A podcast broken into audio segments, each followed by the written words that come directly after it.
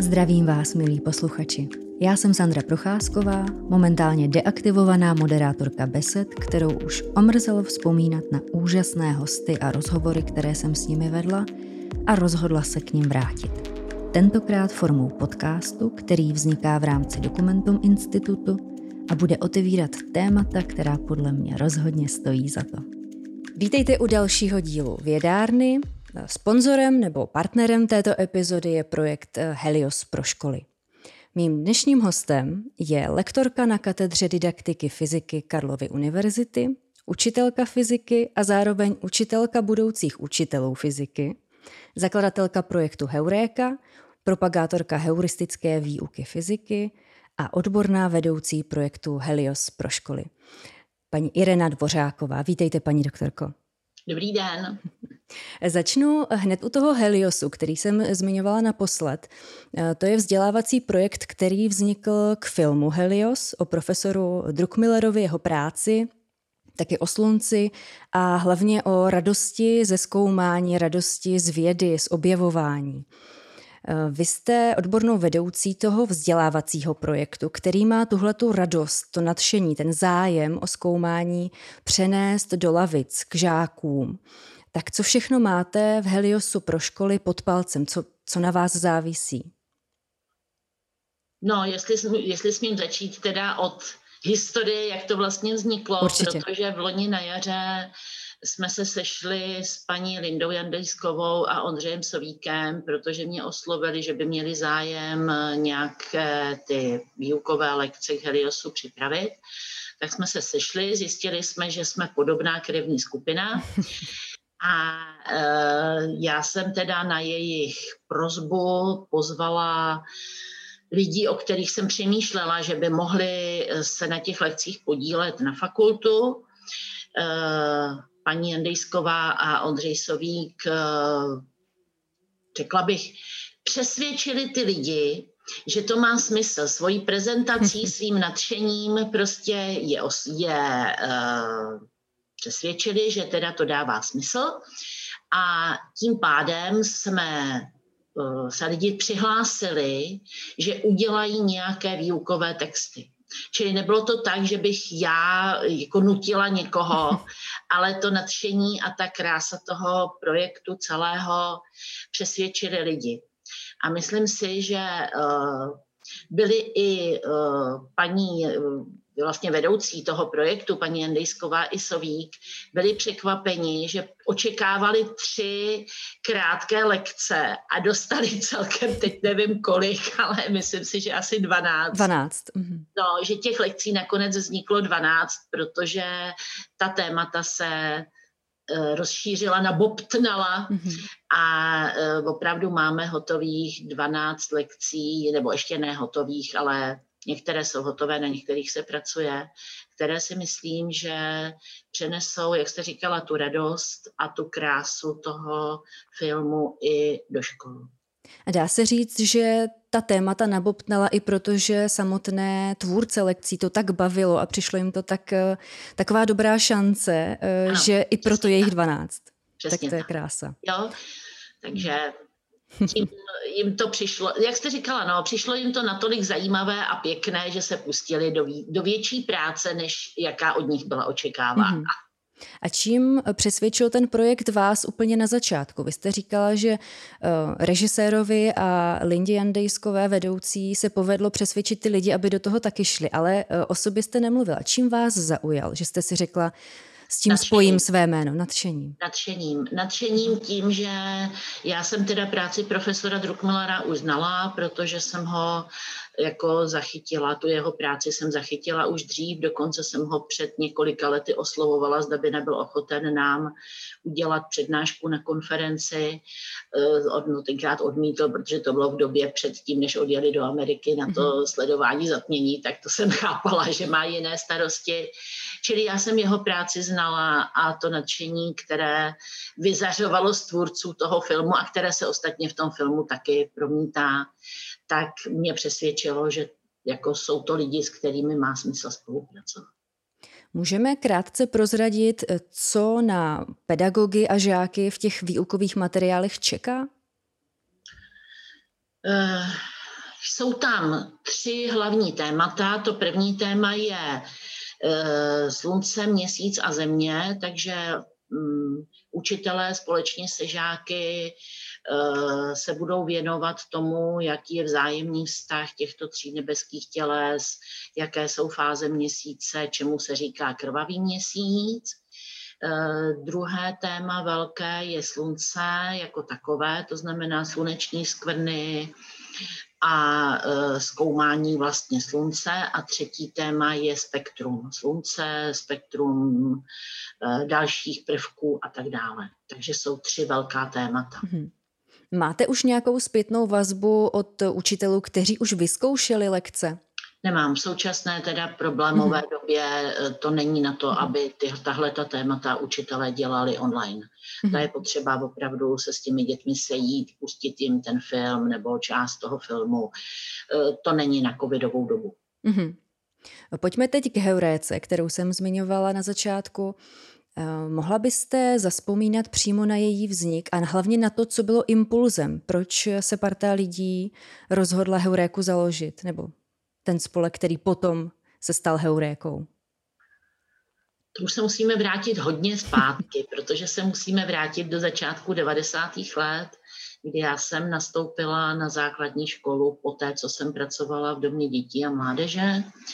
Tam eh, jsem skončila svoji práci a nastoupila jsem na základní školu a eh, způsob, jakým eh, jsem s těmi dětmi pracovala, způsob, jakým jsem učila. Nejenom, že nebavil děti, ale nebavil ani mě, protože jsem prostě neuměla učit tak, aby to bylo pro děti zajímavé. A s chodou okolností a přes jednoho společného známého jsem měla možnost se dostat eh, do kontaktu s eh, pánem, který už tenkrát byl starý, protože byl 21. ročník a uh, společně ještě s dalšími asi čtyřmi, pěti lidmi jsme se začali u něj scházet a vytvářet vlastně metodiku výuky, která bude postavená ne na sdělování informací, ale na zkoumání světa. Děti mají příležitost prostě zkoumat svět kolem sebe. Takže fyzika se jim nepřednáší, ale uh, jak říkám, mají možnost zkoumat svět kolem sebe. To znamená, dělají experimenty, řeší problémy a podobně. A postupně z téhleté vlastně činnosti, diskuzí, dohadování eh, vzniklo něco, čemu dneska říkáme, nebo k čemu jsme velmi brzy začali říkat projekt Heuréka. Takže na začátku nás bylo pět, šest a e, po roce 2002 jsme začali organizovat semináře pro nové zájemce a dneska je nás pár set. Pojďme teď k tomu, co všechno Heuréka dělá a komu všemu je otevřena. Je otevřena každému. V první řadě je zdarma. Pro všechny účastníky je zdarma, neplatí nikdo nic.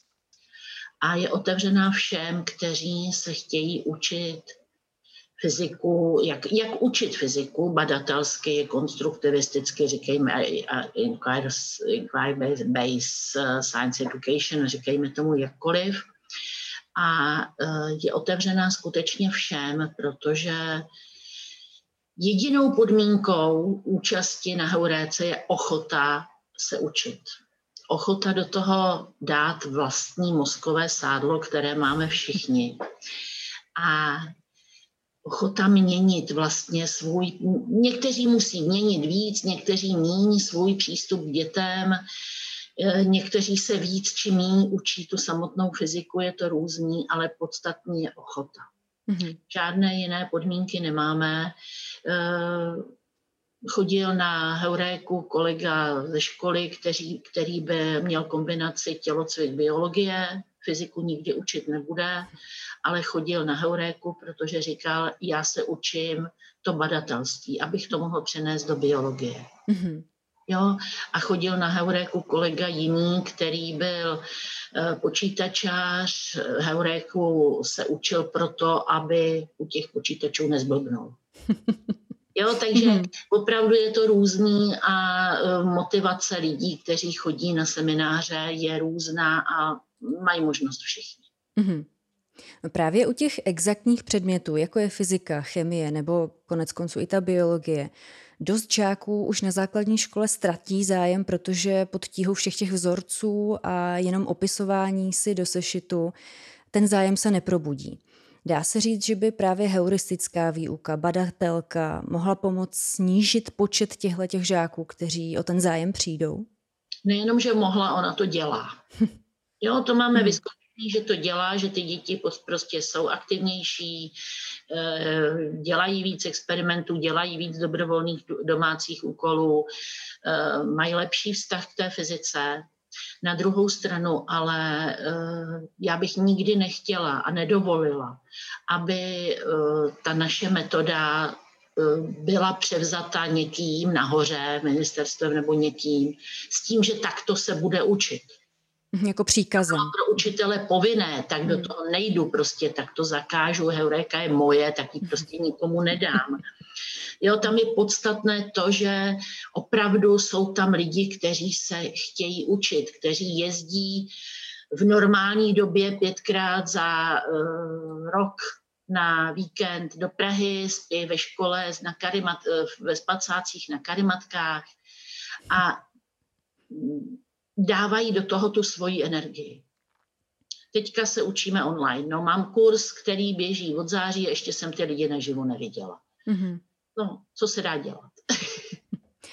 Když jsme ještě u té heuristické výuky, u, to, u té metody, můžeme uvést konkrétní příklad přímo z výuky, eh, abychom ukázali, jak se ten klasický takzvaný model liší od toho vašeho, nebo ten přístup k vysvětlení třeba nějakého problému nebo jevu? Cokoliv, když si vybeslíte nějaký téma, tak vám řeknu, jak ho děláme v Heuréce, ale dejme tomu, když bychom začali Eh, tématem, kterým se začíná v šesté třídě. To jsou eh, vlastnosti látek. Mm-hmm. Tak při klasické běžné výuce, kdy učitel vykládá, tak se děti, tak sděluje dětem, jaké jsou vlastnosti pevných látek, jaké jsou vlastnosti kapalných látek, jaké jsou vlastnosti plynných látek. A ta škola se tváří, jako kdyby ty děti o tom nic nevěděly. Jako mhm. kdyby šestáci prostě nevěděli, jak, co to je led, co to je vosk, co to je kámen nebo cokoliv. Hmm. Na se snaž, prostě se ptáme dětí, jaké jsou vlastnosti. Hmm. Takže se dovíme, že pevná látka jde vzít do ruky a dá se rozbít, dá se rozlomit, dá se cokoliv. Prostě těch vlastností je moc, ale tahám to z těch dětí, nezděluji jim to, nevykládám. Mm-hmm. Říkala jste, že eh, tuto metodu máte bohatě otestovanou na dětech a na pedagozích. Ta zpětná vazba teda za ty roky už musí být velmi početná. Samozřejmě. Eh, dokonce mám velmi dobré, zpět, dobrou zpětnou vazbu od dětí, které třeba před, já nevím, pěti, deseti, patnácti lety odešly ze školy. A zrovna teďka teda eh, nemám to úplně při ruce, ale dostala jsem mail právě v souvislosti s filmem Helios, kde jsem s chodou okolností uh, se objevila, protože jsme byli na uh, vernisáži fotografií profesora Druckmillera a natáčeli tam část toho filmu, prostě zařadili do filmu prostě tu vernisáž, tak jsem se tam objevila na pár desítek vteřin a přišel mi mail od mého bývalého žáka, že uh, mě tam viděl a že prostě s radostí vzpomíná na to, jak jsme se učili fyziku a dneska ten kluk, letos ten kluk maturuje. To je krásné. Jo, a dokonce mm. i to, že uh, uvažuje o tom, že by se nějakým způsobem zapojil do popularizace fyziky. Jo, to znamená, je to dítě, které jsem pět let neviděla, šest let možná, nevím. A stálo mu za to, na, viděl mě na pár desítek vteřin v, ve filmu a stálo mu za to prostě mm-hmm. napsat mail. Takže to ukazuje... zpětná mm-hmm. vazba prostě opravdu potěší. To ukazuje, že i ve vztahu pedagog-žák eh, tam při této metodě se buduje trošku jinak, než třeba v tom autoritativním režimu, kdy učitel je odstřižen. Mhm. Určitě. Jo, ten partnerský vztah s těmi dětmi do jisté míry samozřejmě Eh, není to tak, že bychom byli kamarádi na stejné úrovni, ale ten partnerský vztah a vzájemná úcta tam prostě se buduje a funguje. Čím víc se toho dozvídám o vaší metodě, tak si říkám, proč se takhle vlastně neučí už dávno, proč se takhle už dávno neučí fyzikáři učit. Máte na to nějakou odpověď? No, oni už se dost dávno takhle učí, posledních 30 let, že jo. Kdy se snaží to je pravda, ty, to už je. ty semináře dělat, takže už to nějaká chvíle je a mhm. těch učitelů, kteří takto učí, už je relativně dost. Mm-hmm. V rozhovoru se zmiňovaným profesorem Druckmillerem padla zajímavá věc právě o těch exaktních předmětech, že mývají ve společnosti dost špatnou pověst. Respektive, že hodně lidí říká, ta matematika, to, je, to byla hrůza, fyziku, no tu jsem nesnášela. Um, většinou to jsou lidi z jiných oborů, třeba umělci, jako by se tím chlubili. Setkala jste se s tím a jak na to reagujete? Nesetkala se, jsem se s tím konkrétně, ale samozřejmě v médiích tyhle ty eh, výroky od různých, nazvíme je celebrity třeba, to je jedno, padají a mně to přijde hrozná škoda. Hmm. Jednak škoda v tom, že vlastně vytvářejí oni vytvářejí povědomí mezi svými následovníky, sledujícími, dětmi a tak dále o nepříjemné, eh, nepříjemnostech spojených s těmi exaktními předměty. A přijde mi zvláštní, že se chlubí tím, že neuměli fyziku, neuměli matematiku, ale vemte si nějakého odborníka právě v té oblasti matematika, fyzika, ten se nechlubí tím, že neumí dějepis nebo že neumí uh, zeměpis, že neumí češtinu. Tam to není zvykem se chlubit.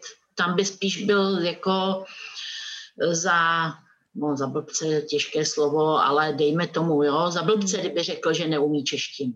Hmm. Tím se nikdo chlubit nebude. Nebo že nečte knížky. Hmm ale tím, že neumí matematiku, to je jak kdyby se tím opravdu vytahoval. A to mně přijde hrozná škoda. Hmm. Tak pojďme udělat eh, aspoň fyzice trošku promo. Jeden z rozhovorů s vámi se mi hrozně líbil celý, ale titulek ten byl bezvadný, protože ten říkal, ta fyzika je ale bezvadná.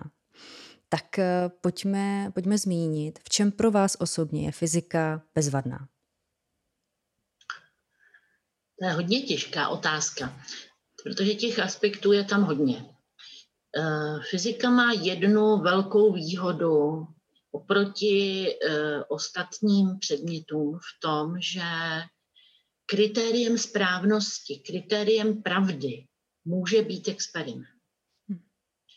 Když si vezmete historii, tak těžko rozlišíte mezi dvěma různými historickými prameny, které se liší který z nich je pravdivý. Těžko, museli by, musela byste jít opravdu do hodně hlubokých zdrojů, odkud, kdo, jak.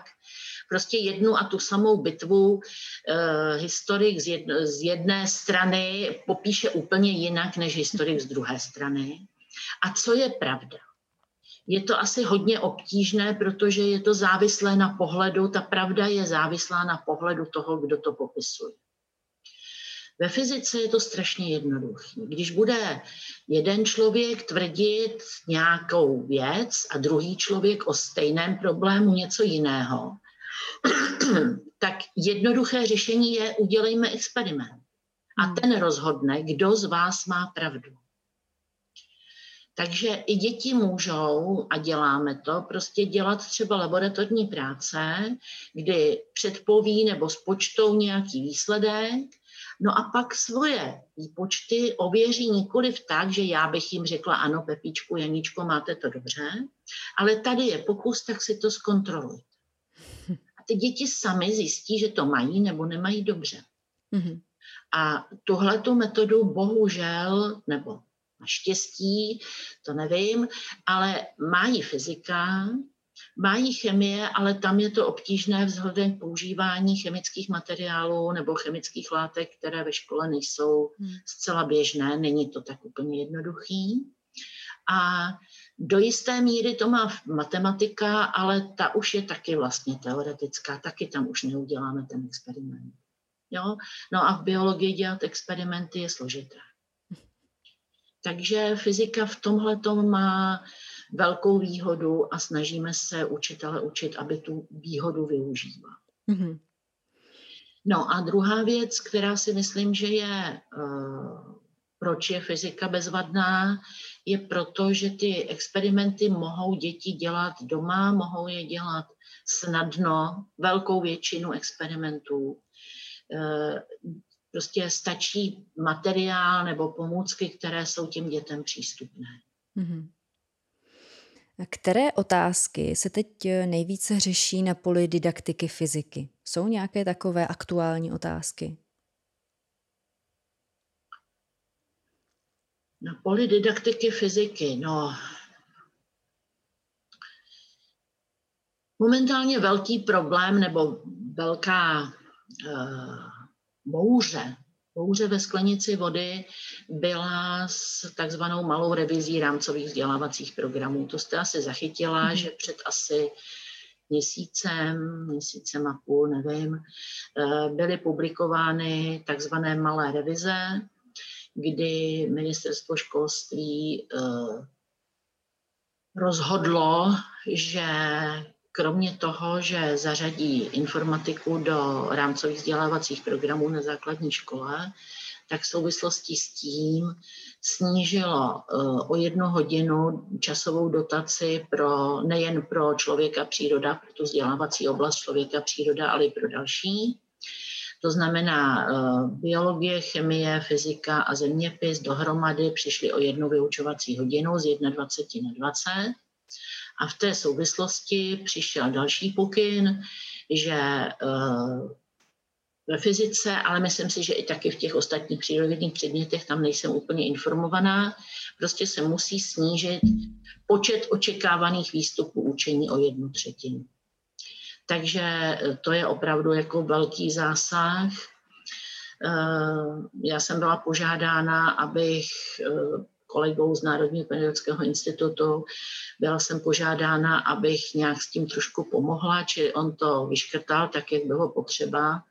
A já jsem se ještě s jednou kolegyní snažila tam vlastně ty věci, které jsem považovala za velmi důležité, tak vlastně přidat jako do toho, co tam zůstalo, tak přidat ještě takový jako přílepek něčeho, co by tam mohlo vlastně pomoct v tom, aby zůstala ta výuka nebo teda ty rámcové vzdělávací programy, aby nebyly tolik okleštěné a odezlali jsme to na ministerstvo nebo Národní pedagogický institut to odeslal na ministerstvo a tam někdo rozhodl, že ty naše přílepky a eh, to, co jsme se snažili tam doplnit, prostě tam nepřidají. Takže jsme z toho byli trošku hodně rozčarovaní trošku hodně eh, jsme to vnímali jako jakýsi no, podtrh možná, no ale nic s tím nenaděláme. Mm-hmm. Takže takhle to zůstalo. Na druhou stranu se snažím přesvědčovat učitele, že rámcové vzdělávací programy jsou to minimum, co stát požaduje, aby učili a je na nich. Opravdu jen jenom a jenom na učitelích, co konkrétně vybere uh, pro svoje žáky. Mm-hmm. A to podstatné je, aby neměli pocit, že musí učit všechno, co je v učebnici. Mm-hmm. Protože takhle to často mnozí uh, učitelé mají, že když je to v učebnici a oni sami se to učili jako žáci, tak je potřeba to předávat mm-hmm. těm dětem.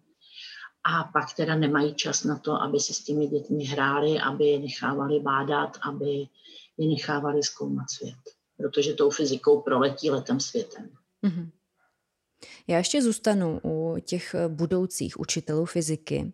Prochází vám rukama už nějakou dobu. Dá se říct, v čem jsou tyto aktuální generace budoucích fyzikářů jiné, než byly třeba ty před pár dekádami? Liší se třeba v přístupu nebo v očekávání od té profese?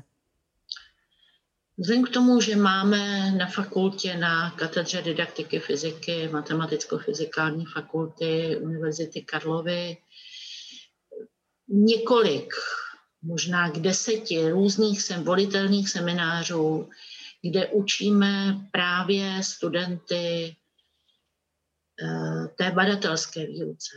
Já konkrétně třeba tam mám čtyřsemestrální volitelný seminář během čtyř uh, semestrů. Vlastně projdeme látku základní školy mm-hmm. a učím na fakultě učím základoškolskou fyziku, ale učím ji systémem, proč, jak to funguje, jak byste to ukázali dětem. Na tohle si dejte pozor, tady často bývají chyby a tak dále a tak dále. A studenti, kteří procházejí tímto seminářem, tak si myslím, že eh, nebudou učit systémem otevřu učebnici a vykládám. Mm-hmm. Věřím tomu a podle zpětných vazeb si myslím, že jsou naočkovaní tou badatelskou výukou a těmi uh, jinými přístupy k výuce fyziky poměrně dost. A nejenom ode mě, ale od mnoha dalších kolegů, kteří na katedře učí velmi podobně nebo stejně. Mm-hmm. Když jsem vás, když jsme byli u toho srovnávání, tak eh, možná ještě jedno. Ve veřejném prostoru často padá, že dnešní mladí dostávají horší vzdělání, jsou méně vzdělaní než třeba za první republiky nebo nevím, v 50. letech, prostě než dřív. Pozorujete to nějak, nebo je to jenom zdání, zase nějaká mediální, mediální obraz, který neodpovídá vašim zkušenostem? Co to znamená, že jsou méně vzdělaní podle vás? Eh, někteří uvádějí, že to, co třeba pradědeček nebo dědeček věděl po absolvování střední školy, co uměl narýsovat nebo eh, co si pamatoval, že je mnohem víc, než eh, si pamatuje dnešní maturant. Má vůbec to srovnání jako smysl? Já si myslím, že smysl nemá. Třeba já jsem se učila na gymnáziu, jsme běžně používali logaritmická pravítka. Mhm. Protože prostě kalkulačky jsme neměli, tak jsme, já jsem si první kalkulačku kupovala ve druhém ročníku na gymnáziu na nějakém zahraničním zájezdu, prostě někde v nějakém bazaru, protože u nás nebyly. A e, zcela běžně jsme používali logaritmická pravítka. Má smysl, aby se dnešní děti učili pracovat na logaritmickým, s logaritmickým pravítkem? Asi ne. Každý má kalkulačku na mobilu, e, mají chytřejší telefony mnohem, než eh, prostě si dovedeme představit. Mm-hmm. No, takže určitě, a tehdy to bylo základem vzdělání. Základem vzdělání za první republiky byla řečtina latina. Často. Má smysl dneska, aby se děti učili řečtinu a latinu? Jo, prostě já si myslím, že ty potřeby dnešních dětí a budou, jej, jejich budoucnosti jsou úplně jiné než tehdy eh, těch našich dědečků a pradědečků. Když jste říkala, že dědeček uměl rýsovat, no uměl. Můj dědeček byl strojař a uměl nádherně rýsovat. Redisperem. Už dneska hmm. mladí ani nevědí, co to je, my možná taky ne, že jo. Jo, to bylo s takovým tím, eh, s tou packou na konci, čili dělalo širší, širší linku. Hmm. No a dneska je to všechno na počítači, pracují s KEDem a já nevím s čím vším. Hmm. No, takže větší vzdělání. No, oni uměli něco, co my už neumíme a my umíme něco, co by oni neuměli. Hmm. A těžko to porovná. Konec konců vzdělání by mělo připravovat na život, na život ve společnosti, jaká je nebo bude za pár let. Čili ty logaritm, logaritmická pravítka už, už, jsme, už jsme přešli. No. No. A navíc je strašně těžký vědět, když si uvědomíte, jak se zrychluje, eh, jak se zrychlují změny ve vzdělávání nebo ve společnosti, tak to, co bylo před deseti lety, tak je dneska zase jinak. Technika, mobily, eh, spousta věcí. Já si myslím, že opravdu se ta společnost zrychluje. Hmm. Posun v té společnosti je čím dál tím rychlejší. A my bychom měli vzdělávat děti, kterým je dneska 12, 13, 14, na jejich budoucnost. Co já vím, co bude za deset let. Hmm. Jo, takže mým cílem je učit děti, aby uměli přemýšlet, aby se uměli učit, aby uměli řešit problémy. Ale jaké problémy budou za těch deset let řešit? Nikdo ne. Mm-hmm. V epizodě věnované hodnotovému vzdělávání jsme narazili na téma, které já si velmi živě pamatuju ze, ze svých školských let. A to je strach udělat chybu. Chyba je ostuda, chyba za chybu se pranířuje a e, že tady tenhle ten strach je velmi paralyzující a hodně může omezit výuku, snahu, aktivitu v hodině, právě protože se bojím otevřít pusu, abych neudělal chybu. Mají takový strach třeba i pedagogové, kteří přecházejí nebo se učí uh, vaši metodu a bojí se, že se zesměšní nebo že teď si nebudou jistí, nebudou mít ty pevné kramfleky? Samozřejmě, že ten strach mají, protože ho mají stejně, jako ho máte vy a, a jako jsem ho mývala nějakém hm. období já, prostě každý jsme s tím, mnozí jsme tím prošli, protože jsme tak byli učeni. A uh, učitelé jsou schopni velmi dobře pracovat s dětmi, ale když po nich chci, aby třeba část výuky předvedli sami vůči sobě, tak mají obrovskou trému. Právě proto, že mezi kolegy eh, vnímají, že je budou hodnotit z jiného pohledu, než je hodnotí ty děti. Mm-hmm. Takže překonávání tohohle toho strachu je vlastně klíčové pro to, aby ti učitelé se mohli vlastně do heuréky zapojit. Aby se přestali bát, aby získali pevnou půdu pod nohama, aby získali sebevědomí, sebevědomí. Jo, že mm-hmm. prostě něco umí a že chyba je normální. A potom, pokud se tím tohleto podaří vlastně zvládnout u sebe samého, tak to můžou budovat u těch dětí. E, protože ten strach z té chyby vzniká tím, že paní učitelka prohlásí, Ježíš Maria, co jsi to tady zase vyrobil. Jo? Tohle, kdyby viděla tvoje maminka, tak ti dá pár pohlavků a mnoho různých takovýchhle hlášek, kdy učitel nebo učitelka vlastně ironizuje ty děti, zesměšňuje je, nechá děti ostatní, aby zesměšňovali a je to, řekla bych, jedna z největších bariér pro to, aby se ty děti učily. Mm-hmm. Pokud se dítě bojí, tak se nebude učit. Takže vybudování prostředí bezpečného a nejenom tak, že se děti nezraní, když chodí po třídě, ale bezpečného na té psychické úrovni, si myslím, že je jedna z, nejdůlež, z nejdůležitějších věcí, která by se měla ve školách a nejenom ve fyzice mm-hmm. změnit. Mají dnes ještě pedagogové dojem, že nemůžou říct nevím? Že nemůžou no, přiznat, že něco souvisí. neví? Mm-hmm. To s tím přesně souvisí, protože když neví, tak nejsou dost kompetentní podle svého vlastního názoru. A to není pravda, prostě nevím je normální slovo, prostě nevím. Jako dítě se mě zeptá na něco, o čem jsem nikdy nepřemýšlela, no tak to nevím. Vás, kdybych se zeptala, jestli smím, k čemu je ve svíčce knot, tak možná taky nevíte. No, to bych byla zaskočena. je to úplně jednoduchá věc, kterou běžně se potkáváte se svíčkou. Mm-hmm. Ale možná se vás na to nikdy nezep, nikdo nikdy nezeptal, nepřemýšlela jste nad tím, no tak nevíte. Je to tak? No. Jo? Hmm. Tak prostě řeknu nevím.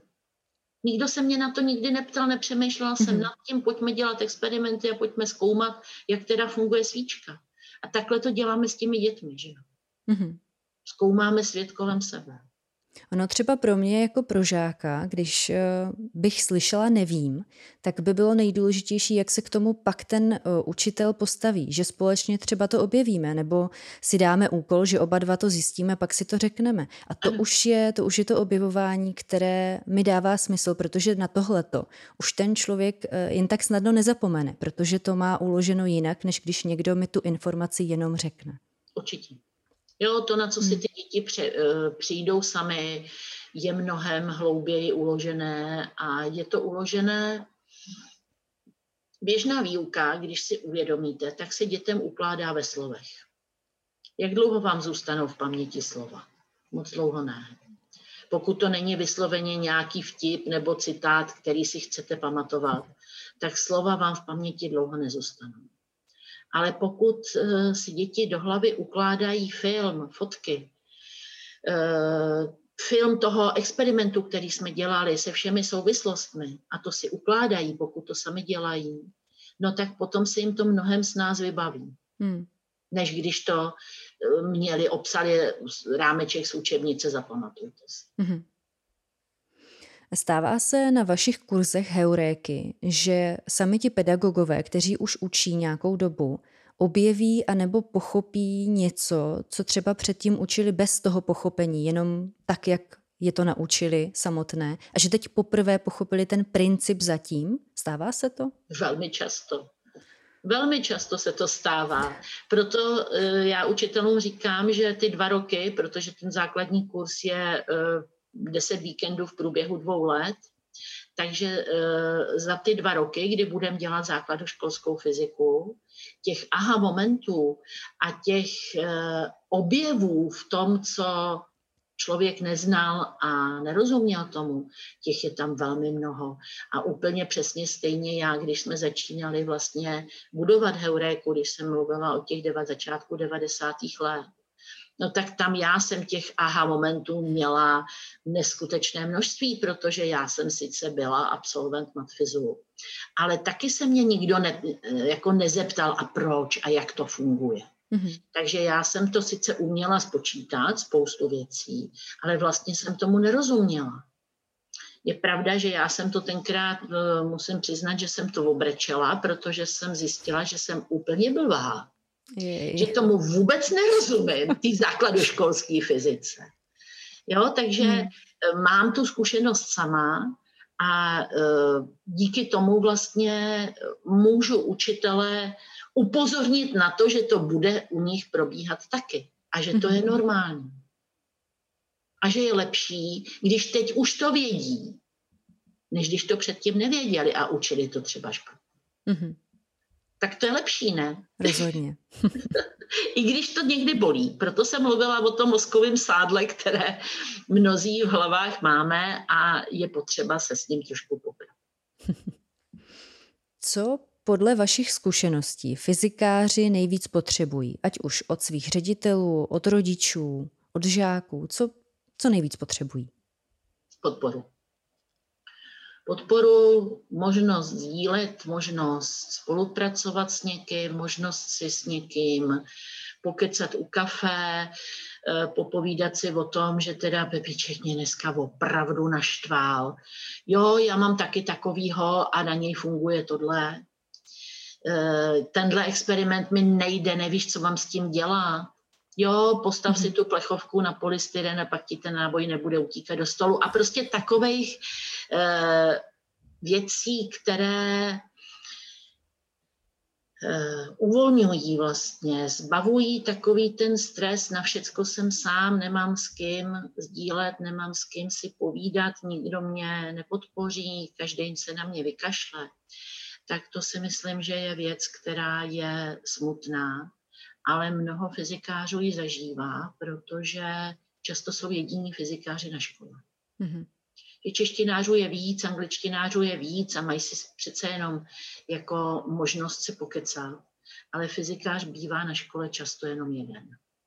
Takže sedí sám v kabinetě, no a těžko si s kolegou, já nevím, matikářem pokecá o tom, jak teda, proč mu ten experiment nefunguje. Že? Mm-hmm. Jo, protože ten matematikář o tom nic neví. I když jsou třeba kamarádi, ale odborně uh, mu ten matikář moc nepomůže. A uh, v době, kdy, teď teda zase se vrátím trošku zpátky, uh, před sedmi, osmi lety, vznikla nadace Depositum Bonum, jestli jste o ní slyšela. A to byla nadace, do které Česká spořitelna dala peníze z propadlých vkladních knížek, nevybraných vkladních knížek, tak tehdejší vedení České spořitelny rozhodlo, že ty peníze dá jako základní kapitál do nadace, kterou nazvali tenkrát nadace Depositum Bonum. A e, když eh, manažeři té nadace tehdejší, jo a ještě uh, bylo rozhodnuto, že ty peníze, nebo že ta nadace jejím úkolem je zlepšit přírodovědné vzdělání v České republice. A tehdejší manažer hledal po České republice eh, projekty nebo aktivity, které vlastně podporují to přírodovědné vzdělání. Eh, našel Heuréku, sešli jsme se, domluvili jsme se, že bychom mohli nějakým způsobem spolupracovat. Takže eh, jedna z věcí, které nadace Depositum Bonum založila, byl elixír do škol. Elixír do škol se postupně vyvíjel, vyvíjel, vyvíjel. Dneska je z toho neziskovka samostatná a nadace Depositum Bonum přišla do nadace České spořitelny, takže se to celé posunulo. Ale to podstatné je, že v rámci elixíru do škol se nám podařilo otevřít v tuto chvíli, já už ztrácím přehled kolik, ale určitě přes 30, možná 35 regionálních center elixíru do škol, kam učitelé mohou jednou za měsíc jít zdarma odpoledne a e, pod vedením člověka, který je taky kantor, sdílet, povídat si, vyrábět pomůcky, e, pokecat, poplakat si, prostě to, co potřebují.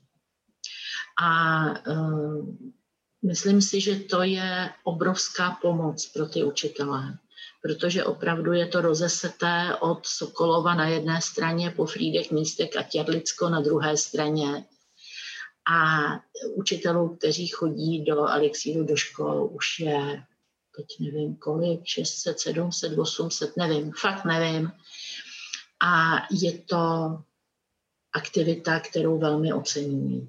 Teďka v té koronavirové, koronavirové době jsou ta setkání online, takže učitel z Brna může jít na setkání do Plzně, protože je tam téma, které ho zajímá. Mm-hmm. Jo, e, tento týden, minulý týden, proběhlo první setkání dalšího nového centra, které je otevřené v obchodním centru Arkády, v T-Mobile centru v Arkádách, kde vedli e, kolegové Eh, vlastně první centrum nebo první setkání a bylo tam přes 90 lidí. Což by při jednání, při uh, fungování naživo nešlo. Mm-hmm. Protože to bychom prostě určitě by nebylo možné, aby tam přišlo 90 lidí, aby se s nimi dalo pracovat a tak dále. Mm-hmm. Ale tím, že to bylo online, tak tam bylo 90 lidí a hráli si z vajíčky a z bajočky. Takže pokud mě poslouchají kolegové fyzikáři, tak se podívejte na stránky Elixíru do škol, do kalendáře a můžete se připojit do libovolného centra, které je uh, po republice a má to setkání. Mm-hmm.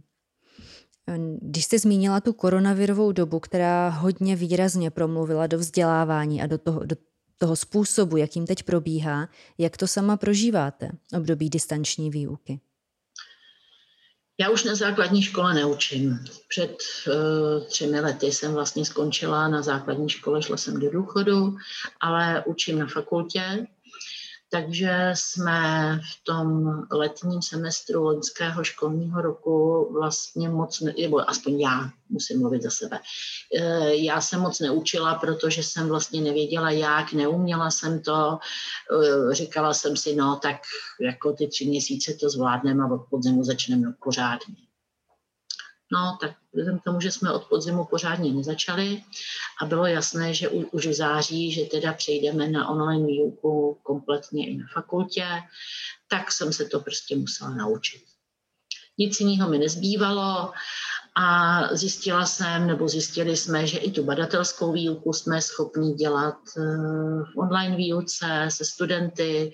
Chce to, aby si připravili oni sami pomůcky, a, a prostě jeden badatelku online. Nedá se, mm. nedá se dělat nic jiného. A vím, že takhle učí i mnozí kolegové eh, prostě z Heuréky nebo z Elixíru do škol, že prostě přesunuli mnohé z těch experimentů, které dělali, by dělali normálně ve třídě, tak děti dostanou za úkol si sehnat brčka, špejle, modelínu a, a jedou online battle. Mm-hmm. Co se dá dělat? Tak doufejme, že to už tak dlouho nepotrvá. Uvidíme. Když se diskutuje, diskutuje o změnách ve vzdělávání, tak je to vždycky nebo často vyhrocená debata. A často se řeší, jestli na to jít eh, z dola, pracně, a nebo jestli čekat na tu změnu z hora. Jak se na to díváte vy? Jestli vůbec má smysl čekat na nějakou smysluplnou změnu z hora. Jenom, jenom z toho, jak jsem si dovolila vyjádřit své pochyby ohledně revizí RVP, tak podle mého názoru není, není možný, aby uh, nějaká uh, rozumná změna přišla ze zhora nařízení. Hmm. Uh, jeden kolega používá termín, že jakákoliv reforma nařízená ze zhora skončí před dveřmi třídy a do třídy se nedostane. Hmm. To znamená, pokud tu změnu nevezmou učitelé za svojí, tak to prostě dělat nebudou. A to, že to vezmou za své, je dáno tím, že chá, budou chápat, čím je to důležité, proč je to pro ně důležité, bude jim to dávat smysl. A to, že to dává smysl, je nejčastěji dáno nebo způsobeno tím, že jim někdo řekne, hele, tohle je zajímavý, zkus to. Mm-hmm. A ne, že přijde ze zhora přípis. Vážení učitelé, všichni teď budete dělat formativní hodnocení, protože nevědí, co to je, proč to je, k čemu to je, proč by to teda vlastně dělali. Jo? A třídní kniha nebo mm, výkazy nebo jakékoliv další papíry snesou všechno. A co se reálně v té třídě dělá, to už se neví. Mm-hmm. Jo, takže eh, podle mých zkušeností jako fungující změna je ta, kterou učitel nejlépe zažije sám na sobě, že si sám vyzkouší, jak je to pro něj zajímavé, důležité a pak to postupně bude přenášet do své výuky. Mm-hmm. Specifickou součástí vzdělávání je sebevzdělávání. U učitelů je to obzvláště důležité. Nakolik je náročné držet krok s vývojem fyziky? Pokud myslíte fyziku jako vědu, tak to je strašně těžký a musím přiznat, že se mi to neúplně daří. Jo, že kdyby po mně chtěl někdo vysvětlit princip mobilního telefonu, tak už to asi nedám. Mm-hmm. Jo, že prostě sice sleduju, mm, co se děje, že teda jako byly gravitační, byly zachyceny gravitační vlny, byl objeven Higgsův bozon v CERNu, e, mluví se nebo povídá se a jsou nějaké informace o tom, co je to temná hmota a tak dále. Na nějaké popularizační přednášky té vysoké vědy se snažím chodit. Mm-hmm. Ale abych tomu rozuměla, to už si troufnu říct, že teda nerozumím. Mm-hmm. Takže uh, sledovat se snažím, ale, ale prostě je to, je to náročný a uh, nemám na to tolik času, kolik bych na to asi si měla vyhradit, mm-hmm. ale prostě dělám jiné věci. Jasně, ono navíc v době, kdy je spousta věcí online, eh, přednášek, informací a jsme opravdu zahlceni informacemi, tak i v tom jednom oboru, když mluvíme o fyzice, je toho taková spousta, že ani člověk, který by měl na to celý den, tak by měl s tím asi problém to všechno obsáhnout, vyhodnotit ty prameny, co stojí za to, co ne. Ano. To je ta dnešní doba. No. Fyzika je strašně široký obor. Když si to vezmete od opravdu mikrosvěta, od těch uh, částicová fyzika CERN, ITER se staví až opravdu po kosmologii a tu temnou hmotu a, a gravitační vlny. Opravdu je to obrovská šíře eh, těch nových poznatků, na kterých se pracuje a obávám se, že málo kdo je schopen celou tu šíři nějakým způsobem pojmout. Mm-hmm. Teď o něčem úplně jiném, respektive tak trochu. Eh, jsou ženy na matematicko-fyzikálních oborech pořád raritou, nebo už se to zvedá, ty počty přirozeně? Já mm, jsem na uh, katedře didaktiky fyziky, mm-hmm. kde těch děvčat máme opravdu dost. Mm-hmm. Jo, eh, já nesleduji, jestli jich je půl na půl, nebo kolik, jestli je víc holek nebo víc kluků, to prostě není téma, které by pro mě bylo důležité. Ale prostě těch děvčat je tam hodně, protože je to prostě kantorský povolání, ale jsme rádi, že máme i hodně kluků. Mm-hmm. Jo, že to není tak, že by to bylo jenom holčičí nebo jenom klučičí. Mm-hmm. A jak je to na ostatních oborech fyzikálních, matematických, nemám přehled. Mm-hmm. Dá se analytické myšlení naučit nebo alespoň vylepšit tréninkem? Určitě. Já si myslím, že každé myšlení jde naučit vylepšit tréninkem. Mm-hmm. Že ta plasticita mozku je taková, že když se něčemu budete věnovat, tak ten mozek vlastně si přizpůsobíte tomu, co, čemu se věnujete. Že jo? Říká se, že mají uh, londýnští taxikáři velmi vyvinutou oblast uh, prostorové představivosti a protože musí znát Londýn na spaměť, nebo museli jednu dobu znát Londýn na spaměť. Mm-hmm. Dneska už mají GPSky, tak možná ne. Ale jo, čili uh, člověk, který se věnuje hudbě, bude mít výrazně rozvinutou oblast mozku, která s tím souvisí takže určitě ano. Mm-hmm. Jo? A mám, mám i jako konkrétní příběh eh, jedné studentky, která eh, na začátku studia, když jsme dělali nějaký test vědeckého myšlení, tak dopadla vlastně velmi špatně. Mm-hmm. A potom jsme ho dělali ve třetím ročníku ještě jednou a ona dopadla výrazně líp a já jsem se jí ptala, jak se jí to podařilo. Ona říkala, no mě to naštvalo mm-hmm. že jsem prostě uh, to řešila takhle blbě. No a trošku jsem trénovala. Jo, čili ona se rozhodla, že teda toho Bohdá nebude, aby to vědecké myšlení měla takhle špatný. No a prostě řešila problémy, učila se, zkoumala, zapojovala ten mozek a rozvinula. Mm-hmm. Podle čeho vy sama poznáte, že se vám hodina povedla? Že si řeknete, jo, dneska, se nám, dneska nám to šlo, dneska to bylo super. Podle, podle čeho? Dětí, podle reakcí studentů jednoznačně. Mm-hmm.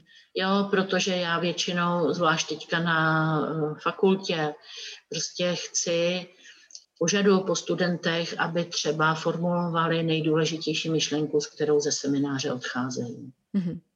No a pokud jsou to myšlenky, které dávají smysl, které eh, ukazují, že ten student nad tím opravdu přemýšlel a není to plitká, dneska se mi to líbilo, no to, to neřekne nic, že jo, to není myšlenka. Jo, takže pokud odcházejí s myšlenkou, která je smysluplná, která je hluboká, tak si říkám, jo, dobrý. Mhm. Dneska, dneska teda to nebyla hodina půl ztracená. Jak si vy osobně definujete vědce? Kdo je pro vás vědec? V jakém oboru? Protože vědec No. Je něco, co mají všichni Člověk... vědci společné? To nevím, to musím chvilku přemýšlet. Mm-hmm. Určitě to bude člověk, který se nespokojí s prvním první myšlenkou, s prvním nápadem, který uh, hledá, co o problému, který zrovna řeší, už bylo napsáno, který si udělá rešerši, který uh,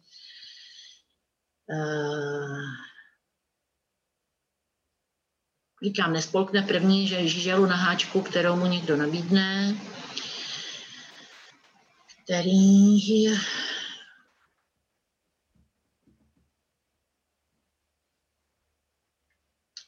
No, víc asi, víc asi nevymyslím, protože se, no, možná, který se snaží dělat tu práci, kterou dělá poctivě, tak, jak nejlíp umí.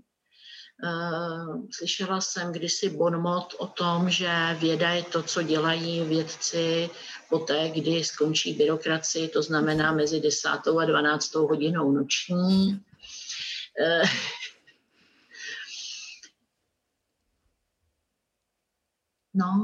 neumím hmm. to asi popsat líp. Mám o tom nějakou představu, ale je to vlastně složitý to hmm. popsat. Hmm. Jo?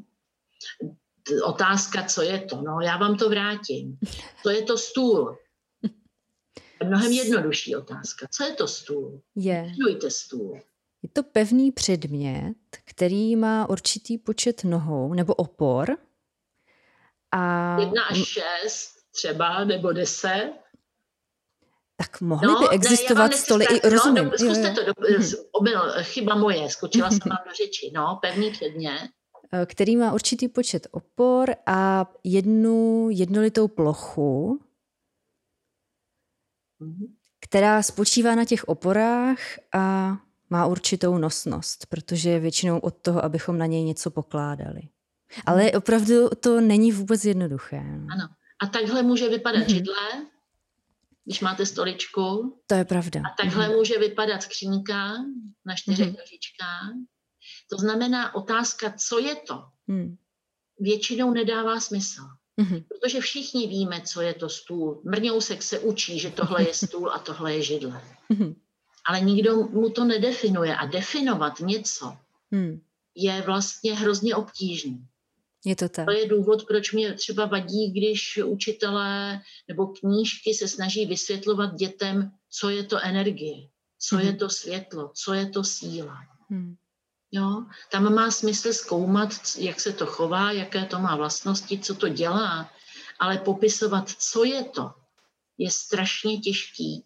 Stejně jako pro vás je strašně těžký popsat, co to je stůl. Já taky neumím popsat, co to je stůl. Všichni to víme, mhm. Ale popsat to je náročné. Tahle metoda je úplně úžasná, to začnu používat. Je to, je to, je to úžasně obohacující i pro mě. Jo. Mm-hmm. Takže se neptejte, co je to. Mm-hmm. Ptejte se, co to dělá, co to umí, jaké to má vlastnosti, k čemu je to dobrý.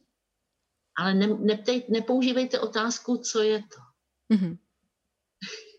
Tak ono u těch, u těch interview, tam se často mluví o tom, jak někdo něco vnímá nebo jak si to představuje, eh, ale když už padne slovo definice, tak eh, je jasné, že to už, to už je úplně jiná kategorie. Mm, jak se díváte na to, že v poslední době řada lidí spochybňuje výsledky vědeckých studií, rady vědců, jejich pokyny s tím, že se jim nehodí do toho, jak oni se dívají na svět, jakou mají třeba politické smýšlení nebo náboženské, tak to prostě smetou se stolu a nemají problém vědcům nenaslouchat? No, protože možná nikdo neučil to vědecké myšlení, o kterém jsem se bavila, o kterém jsem mluvila před chvílí. Protože jim nikdo neukazoval, že rozdíl mezi tím, když někdo něco tvrdí a není možné ověřit, zda to je, či není pravda. E, nikdo je nevedl k tomu, aby si ověřovali, z jakých zdrojů je ten, ta informace pochází a je jasné, že v současném, v současném vlastně eh, no, přehlcení informacemi je strašně těžký vlastně dopátrat se zdroje, odkud ten dotyčný tu informaci vzal. A protože to je těžký, tak to spousta lidí nedělá. Mm-hmm. A vlastně filtrují informace, které pouštějí do svého myšlení podle toho, jestli se jim ten člověk líbí, jestli je eh, správné politické, jak jste říkala, politické orientace, nebo je přesvědčivý řečník, i když plácá blbosti. Prostě je to hrozně těžký. A uh, rozumím tomu, že spousta lidí uh, se v tom vlastně nevyzná. A musím přiznat, že se v tom let, kdy prostě jako se v tom nevyznám ani já, protože odborníci, lékaři v současné době někteří tvrdí A, někteří tvrdí B, někteří tvrdí C a já nemám kapacitu na to, abych dohledávala zdroje, hmm. odkud jejich informace pramení. Jo, takže uh, se snažím prostě nehodnotit správnost nebo kvalitu informací a zůstat trošku nad věcí, protože opravdu nevím. Mm-hmm. Teď mám pro a vás... že nevím, to je taky docela důležitý, že jo? Rozhodně. Teď mám pro vás otázku, kterou pokládám všem svým hostům a baví mě, jak každý ji pojedná po svém a jak různé jsou ty odpovědi. Co byste si přála, aby věda v nejbližší budoucnosti buď vyřešila, anebo objevila?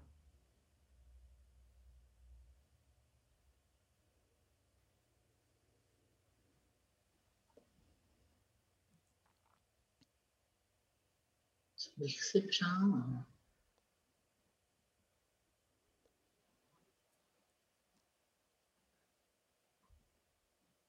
Hm. Já vás asi zklamu, eh, protože já věřím tomu, že ta věda, že lidé, kteří dělají skutečnou vědu, dělají to, co umí a to, co uh, jako zkoumají, že to dělají dobře. A já jim těžko můžu říkat, co by měli dělat lepšího, jinak, uh, čemu se věnovat víc. A takže já jsem docela spokojená s tím, jak ta věda uh, pracuje a co vědci dělají. Takže nějaké zvláštní přání typu uh, vyléčit celý svět nebo najít kámen mudrců. Prostě vím, že je hloupost, že to nejde. Mm. A uh, prodloužit lidský věk o 50 let, no dobře, co pak s, těma 50, s těmi uh, starými lidmi budou, co ty staří lidé budou dělat. Jo? To znamená, já vnímám i to, že kdybych teďka měla prsten Arabely a řekla něco a ono se to splnilo, tak nejsem schopná dohlídnout důsledků toho, mm-hmm. co já jsem jako si vymyslela. Mm-hmm. A může to mít hrozně negativní důsledky v budoucnu, který já prostě jsem nedovedla předvídat. Mm-hmm. Jo? Takže já asi nemám žádné přání takovéhle jako uh, na vědu. Mm-hmm. Asi nemám. Takže Asi... co přijde, to přijde a ve správný čas. Tak. To je krásná odpověď do sbírky, děkuju.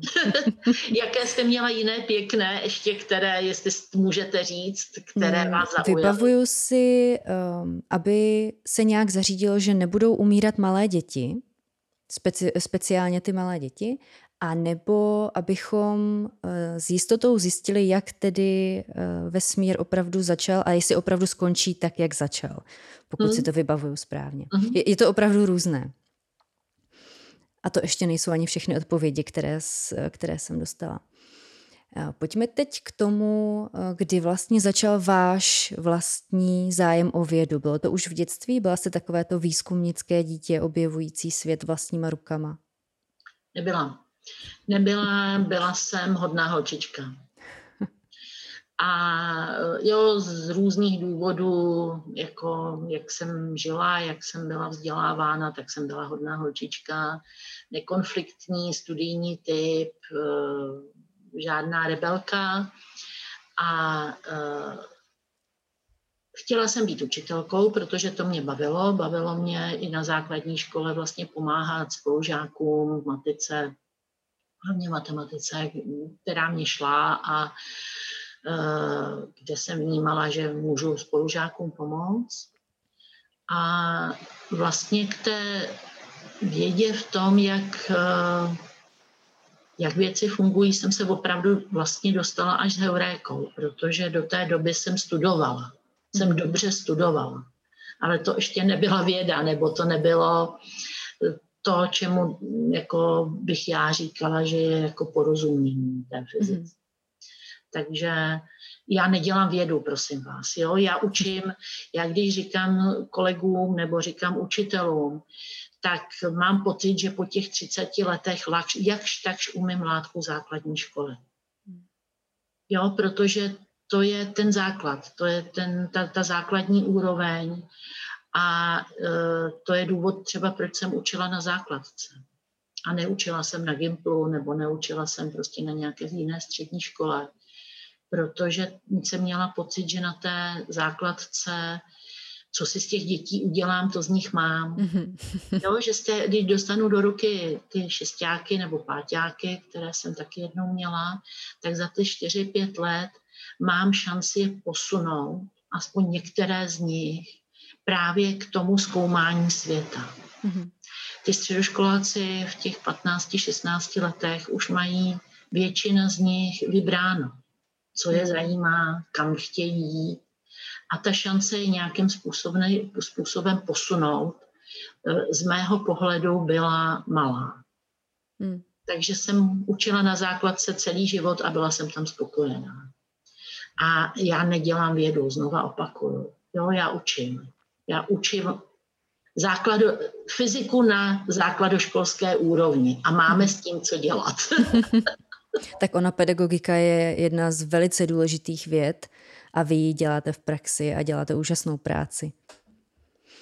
Když teď pomineme eh, vaši odbornost nebo zaměření na fyziku nebo i pedagogiku, tak eh, která témata z oblasti vědy vás zajímají třeba jako lajka, že na vás vyskočí popularizační článek nebo přednáška a je to téma a řeknete si, jo, tak to si rozkliknu, nebo to mě zajímá?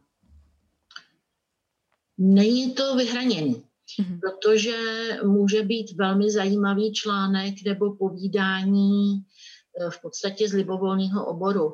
Já jsem nedávno slyšela rozhovor s profesorem, nevím, Olivou o češtině, o tom, jak dělají vlastně korektory eh, ve Wordu, aby Word poznal, mm-hmm. jestli ta věta je dobře nebo špatně.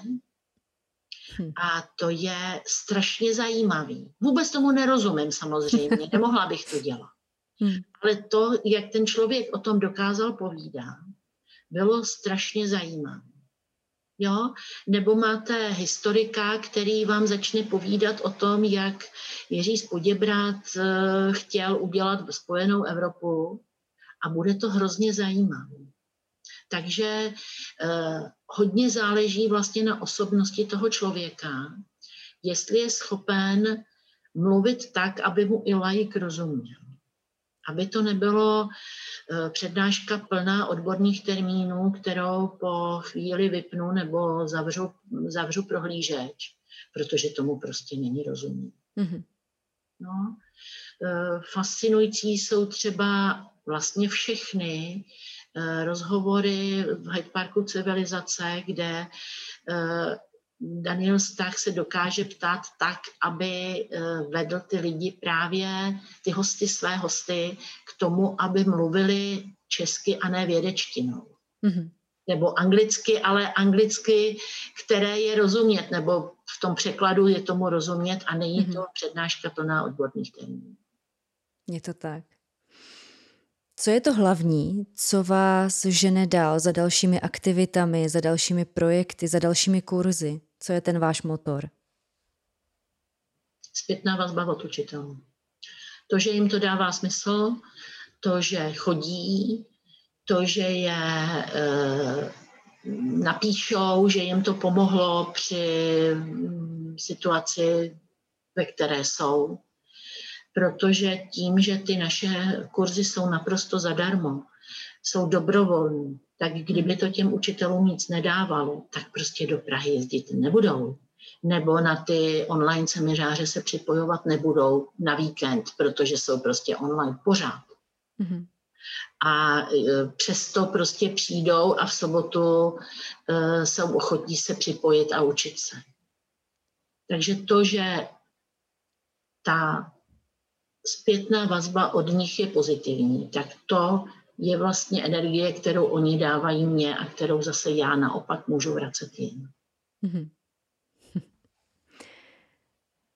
Na závěr se zeptám další otázku, kterou se ptám každého a je to vlastně takové rozloučení eh, s naším povídáním, se všemi tématy, které jsme prošli. Proč děláte, co děláte? Protože mě to baví. Kdyby mě to nebavilo, tak to nemůžu dělat. Mhm. Jo, kdybych tom neměla smysl, tak jsem uh, stará paní na, v penzi, která chodí uh, krmit ptáčky na lavičku. Jo, jako jednoznačně to se nedá dělat, pokud by to člověka nebavilo. Kantořina se nedá dělat, pokud by to člověka nebavilo. Jo, jakákoliv práce s lidma. Vemte si, proč, to, proč děláte vy to, co děláte. No, protože vás to baví, je z toho je to vidět, tak. že vás to baví, že vás baví spovídat lidi. A kdybyste to, jo, kdyby vás to přestalo bavit, tak to nemůžete dělat. Hmm. Protože z vás nebude čišet energie, která, kterou cítím i přes obrazovku.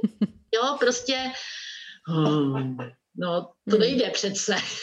Je to tak. A nedávalo by to smysl. Nedávalo by to smysl, přesně tak. Ani vám, ani těm lidem, s kterými si povídá.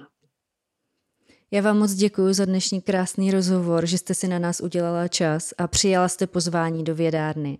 Moc vám děkuji, ať se vám daří. I celé Heuréce. Já vám děkuji a přeju vám hodně mnoho, mnoho, mnoho krásných rozhovorů v budoucnu. Děkuju. Za celý tým Dokumentum Institutu děkuji vám všem, kteří jste doposlouchali nebo dokoukali až sem a strávili s námi svůj čas. Budu moc ráda, když mi prostřednictvím sítí Dokumentum Institutu napíšete, jak se vám vědárna líbila, čeho byste chtěli více, čeho méně, na jakého hosta byste se rádi podívali nebo kterého byste chtěli ve vědárně slyšet. Budeme rádi, když nás podpoříte lajky, komentáři nebo odběrem. Pokud chcete být součástí vzniku vědárny, zaměřte na náš Patreon, kde najdete různé možnosti, jak se můžete zapojit. Jakýkoliv příspěvek nám pomůže vytvářet pro vás lepší obsah, vyspovídat více hostů a celkově posouvat vědárnu dál. Těším se na slyšenou nebo na viděnou u dalšího dílu vědárny a ať se děje cokoliv, buďte zvědaví.